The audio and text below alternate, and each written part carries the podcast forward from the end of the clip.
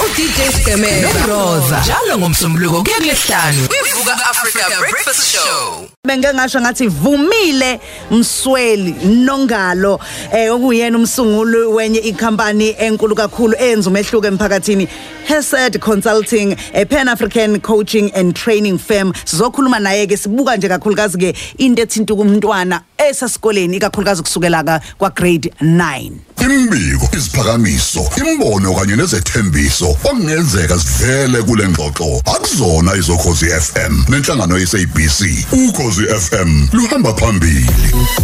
Yazi isikhathi esiningi eh siyasibona ufika umkhulisa umntwana umkhulisa umntwana kwi primary school bese yasuka seya kwi level esethe kuba phezulu esengena la go grade 9 yileso sikhathi ke lesa sibaleka kakhulu umzali la okusese kufanele sihlale khona nabantwana bethu sibe nezingxoxo nabo sibuke ukuthi mhlambe eh, bafisa ukuya ngakuphi nathi kade silokhu sibabuka bekhula bekhula sasiwabonile amanye amakhono namathalente abanawo ngokwendalo. Kodwa manje sesifuna ukuthi benze bathathe izinqumo ezifanelekile ezizokwenza ukuthi balandele umkhakha othile nentando yenhliziyo yabo nezifiso zempilo yabo ukuze bakwazi ukuthi uma bephumela ngaphandle into abazoyithi beyifundela kube into ezokwazi ukubalekelela. Kodwa nje ngiyathanda kakhulu ukuthi namhlanje sinomuntu ngempela osuke iqonda ngqo le ndaba okhuluma kakhulukazi nabafundi uma sebefika kuleso sigaba leso esinjalo la othola ukuthi umzali usuke edideke ngempela engazi ukuthi konje eh, ngingam- ngizomlila ngizomyala ngithini umntanami ngizothatha siphi isinqumo. Nazi incwadi ibuye esikoleni zithi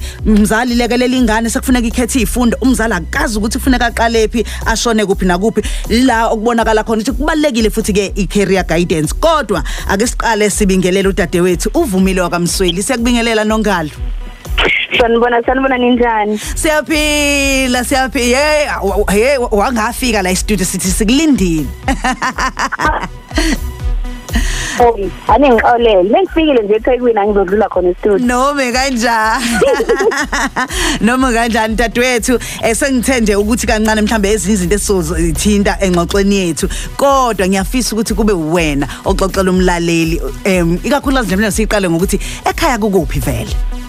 Ekhaya sithi Davile Okay. intombi yaseThekwini. Mhm all right. Ya kodwa sehamba umhlaba wonke isuka khona la eChesterville yebo. All right. And then eh bese uba nekhampani yakho. Yebo. Ehhe. Um, inkampani yami Hesed Consulting siza abantu kakhulu indaba zomsebenzi abantu abaxakekile abantu ababheka umsebenzi mhm i-subjects njengabo o grade standard xoxa ngabo namhlanje. Nabantu bayathi hayibo angiholi kahle mina emsebenzini yindaba ngenza kanjani ukuthi ngisumholo so laba bantu bezasithina sibaxhase siba sibaxhumanise nabantu abakwazi ukubasiza njengo njengo career coach. Mhm mhm angeke uyakwazi ukuyenza leyo nto leyo ungadlulanga esikoleni wafunda wagogoda okuthile ngoba siyazi umlando wakho omkhulu kakhulu dadewethu bese uma singakhuluma nawe eh kungaphela usuku i- inkampani ezinkulu osungene kuzona wayisebenzela eh wasave waseva lapho wathatha ulwazi eziningi ngendlela emangalisayo kodwa ngiyabheka nje ukuthi mhlawumbe eh yini owuvele uyifundele esikoleni nowuyithande kakhulu? Ngafunda i-accounting esikoleni so nga- ngalento ngaqala e-University of Pretoria ngafunda i-accounting emva kwalokho ngenza i-honors in finance e-University of Johannesburg. Ngaqhubeka ngenza i-MBA e-University yaseLondon. Ngenza i-postgraduate e-New York University in education eh, ngenza i-postgraduate e-Harvard specializing in education. Manje ngenza i-doctorate eh, specialize kwi-leadership and coaching. Yo yo yo girl girl woman Imfundo yadlisa ingakho ngithe noma kanjani kufanele sikhulume nawe namhlanje eh sinosigqemeza ngoba eh, sikhuluma nathi kulesi sikhathi sithi back to school eh sithi um, imfundo yadlisa trenda ngemfundo yakho. Yabona njengoba ukhuluma njengamanje eh hayi mfethu ngiyazi ukuthi usugqugquzela abantu abaningi. Nobe obesethi hayi ngiyayiyeka i-dissertation yami eh nayi ngihlula ngiyayiyeka mina lento le research in, in uzothi hayi ngeke ngiqale phansi nami uma ukuthi khona abantu abakwazi ukuthi benze ngeke sikhulu into engakhulumi Ngeke- konke lokhu kwenza ube ushiya South Africa uyohlala khona le phesheya kwezilwandle yes. Eh ufika ufundeni lapho umuthi uyaqhathanisa nje ubuka lawo mazwe kade kuwona bese ubuka iningizimu Afrika. Ngokwemfundo. Angifuni ngokwemfundo ngibona ama university ase ala eMzansi enza kahle kakhulu eNingizimu Afrika. Umehluko nje ukuthi ngesikhathi mina ngikhetha ukuyofunda eNgland ngenxa yokuthi angisebenza khona. Isinqumo sami sok- sokufunda i- i-doctorate and assistant ngenxa yokuthi le doctorate bengifuna ukuyenza ayitholakali kwenye kwelinye izwe itholakala eSwitzerland kuphela. But imfundo leya la yala eningizimu leya ngisho ukuthi ayiphansi cha cha cha. I- ama-university ethu na ade khona i-study esiphume nje i think isonto elidlule but ama-university awu-10 top 10 e-africa of top 10 6 ama-university ala emzansi Mm mana kwevumile le doctorate yakho ikhuluma ngani? Mhlambe itopic yakhe ithini lapho? I-topic engiyikhethile ithi black tax and its impact on career development. Siyazi ukuthi unjani siyagreda siqala ukusebenza kodwa bakhaya dinga ukuthi ukuthi sikwazi ukuxhasa size nasekhaya sithumele imali. Manje lento itshengisa ukuthi le mali ukuthi uzoyi- uzoyifaka kuwena ukuthi uqhubeke ufunde noma uthole skills development usakwazi ukwenza lento kuba ufundisa udadewenu noma mhlawumbe ingane yakini. So lento yenza ukuthi uzo- uzoqhubeka phambili kanjani emsebenzini i-career development yakho. Kwi-research yami ibhekene na- ibhekene nalokho. Ngicabanga ukuthi yikho lokho kwenze kahle waphumelela wasimela kahle siyiningizimu Afrika njengoba kuwena ohola kakhulukazi ke ko Nigeria Kenya Democratic eh, Republic of Congo ko Zambia ko Lesotho ko Ghana Tanzania Mozambique eh, la osukuhola khona ekuthenini abantu ngokwama careers nanga ethinti accounting nanokuthi abantu bangaphumelela kanjani. Nanokuthi nje usimele kulama company o Barclays o Investec o Nedbank o FNB okade usebenza kuona o Vodafone njengomuntu obuyi operations finance khona. Eh nanokuthi istrategy sakho sisebenzisayo eh ngicanti siyamlekelela umuntu omusha. Njengoba usubuyile ke uthi nje cha ang- angiphinde ngiphakamise nalabo abancane ukuze ngoba kusho usuyibonile inselelo esesibhekane nayo uma usudila nathi lapha phezulu. Kakhulu kakhulu. And ngokubona kwami umuntu meqeda esikoleni uyitsho ukuthi hayi mase ngisebenze mina ngizohola kanjena ngenze lokhu ngenze lokhu ngenze lokhu akazi ukuthi kudingakalani ukuthi ube nenqubela phambili emsebenzini. So ingakho ngithanda ube career coach. Ngiyathanda ukuthi sikhulume lezi zinto ukuthi udinga wenzani udinga ucabanga kanjani udinga ukuziphatha kanjani uma ufika emsebenzini. Uthi nawe ngelinye ilanga uzibone usi-CEO uzibone nawe usuhola le mali obuyifisa ukwazi ukuthi nawe us- usebenze ngokuzikhandla. Mm, mm. Balekile mlalelo cause FM usanda kuvula umsakazo into ethinta icareer guidance kakhulukazi kubantwana bethu bese bebheke kuma levels asuke sethe ukuthi thuthu. Imapha am- yini mhlambe nga- ngabiza kanjani? Ngathi ama factors ya. Eh, ekufanele mhlawumbe noma iziphi izinto okufanele ngizi bheke uma ngikhetha izifundo eh ngikwa grade 10 nangenhla sengidlulile kwa grade 10 into yokuqala ufuna uyibona ufuna uyicabange uma uzokhetha iy'fundo uthandani into oyithandayo uthi oh mama isikhathi se-accounting eve ngijabula eyi uma kuyisingisi ngiyaqhazeka. Yinto oyithandayo. Eh vumile? Yini no? Yes sithe ukunqamukelana nje sithe ukunqamulekelana nje kancane nje eh, vumile Oh. Eh, ya mhlambe ngingabuyela eh, ka- ka- ka- kancane ngisho ukuthi inga- ingabe mhlambe ikuphi okufuna ngikubheke mina njengomzali uma ngabe umntana wami sekufanele akhethwe izifundo mhlambe ula kwa grade 10 manje? Into yokuqala zimzali ufuna ubuze ingane yakho ukuthi uthanda yini? Into oyithandayo uthanda isingisi uthanda uthanda i- i-math mhlawumbe wena uthanda i-science. Uthandani ingane ithandani ingane yakho? Into yesibili ufisa ukuba yini ngelinye ilanga? Mhlawumbe ingane yakho izothi "Hayi, mina ngifuna ube engineer noma mina ngifuna ube accountant cha mina ngifisa ube udokotela. Into yesithathu ingane yakho mekufika kwama-subjects akhe uhlanthe kuphi? Uthi hayi yena uyishiya phansi imath eve good. Udlula wonke omunye umuntu. Into yes- into yesine khona ngicabanga ukuthi le degree ezomenza ukuthi akwazi ukuthi abe udokotela noma akwazi ukuthi abe engineer yiphi lokho kuzokusiza ukuthi ukhethe ama ukhethe izifundo ezomenza ukuthi akwazi ukungena e-university abe lento ayifisayo ngelinye ilanga. Mm kusho ukuthi mina kubalekile njengomzali ukuba nesiqiniseko sokuthi izifundo azikhethayo zihambisana ne- ne- ne- ne- ne- nekusasa lakhe nezifiso zekusasa lakhe.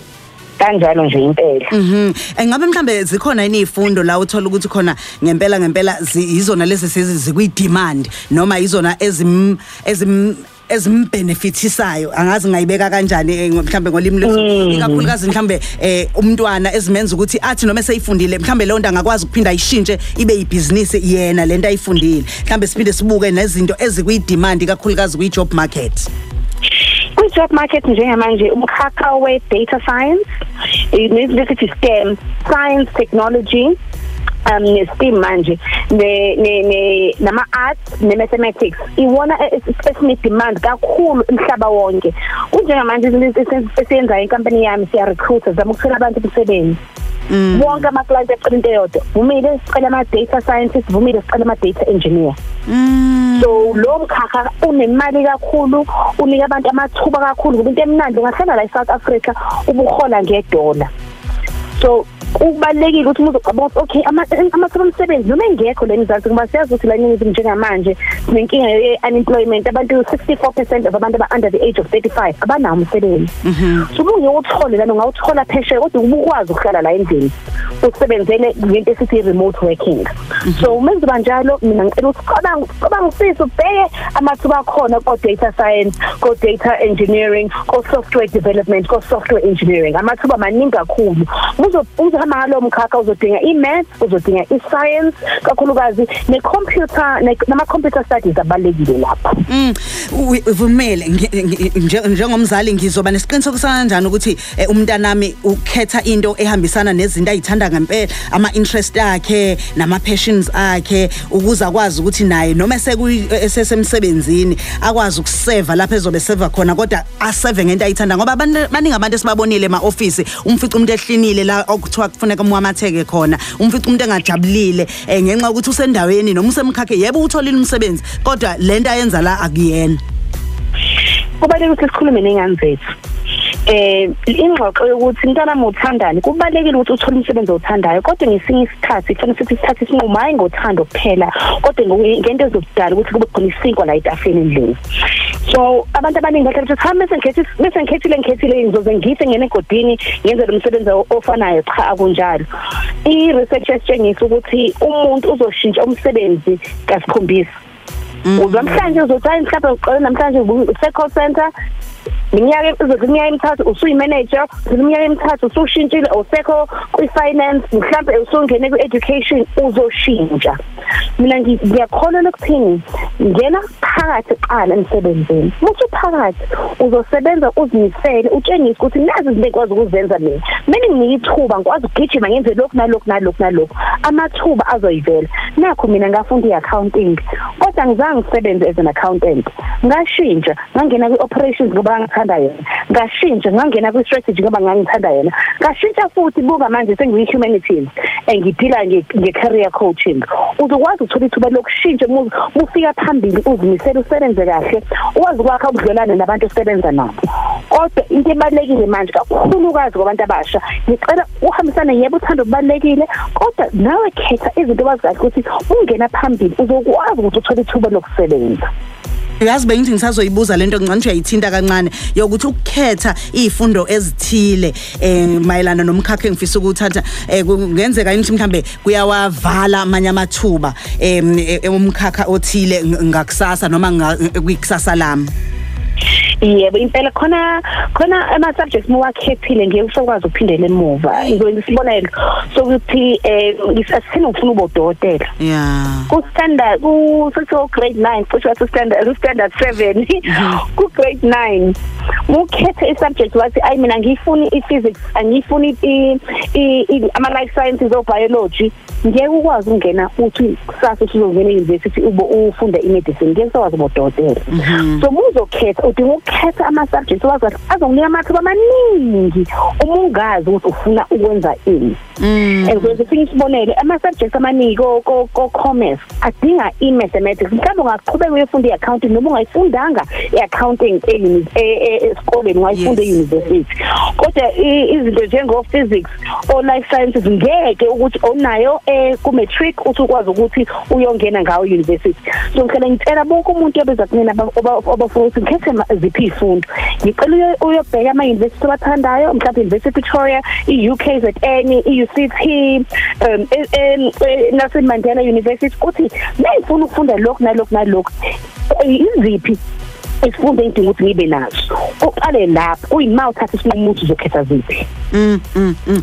Sesiya ngasemaphethelweni odaba lethu ngicabanga ukuthi izinto eziningi engifisa nje ukuyibheka eh usukwazile ukuyithinta lapha nalapha. Sengiusuyikhulumile indaba ukuthi kufanele ngempela eh kube khona isifundo engithi uma ngizikhetha zinginikeza nje a very strong foundation yokuthi ngikwazi ukuthi ngikhethe uma sengiphumile emhlabeni ngithi hayi ngalesi sifundo ngingakwenza ukuthi ngakwenza ukuthi ngakwenza ukuthi eh ingabe mhlamba khona inama ama subjects noma ke ama learning area eh okungafanele mhlambe eh, ngisho ngithi hayi lawa eh kufanele um- umntwana abe akwazi ukuthi angene kuwona abe neinterest kuwona futhi azokwazi ukuthi ambeke eindaweni ezihlukahlukene eimbonini ezihlukahlukene mhlambe futhi azaphinde amlekelele kule technology entsha esifika kuyona. Ngokucabanga kwami kubalekile ukuthi ubone ukuthi ingane yakhe unaliphi khona. Ngiyasho ukuthi hayi imath ibalekile kodwa mhlawumbe ingane yakhe ayiphiwanga kwi-math. Ngiyakasoze abe actual scientist.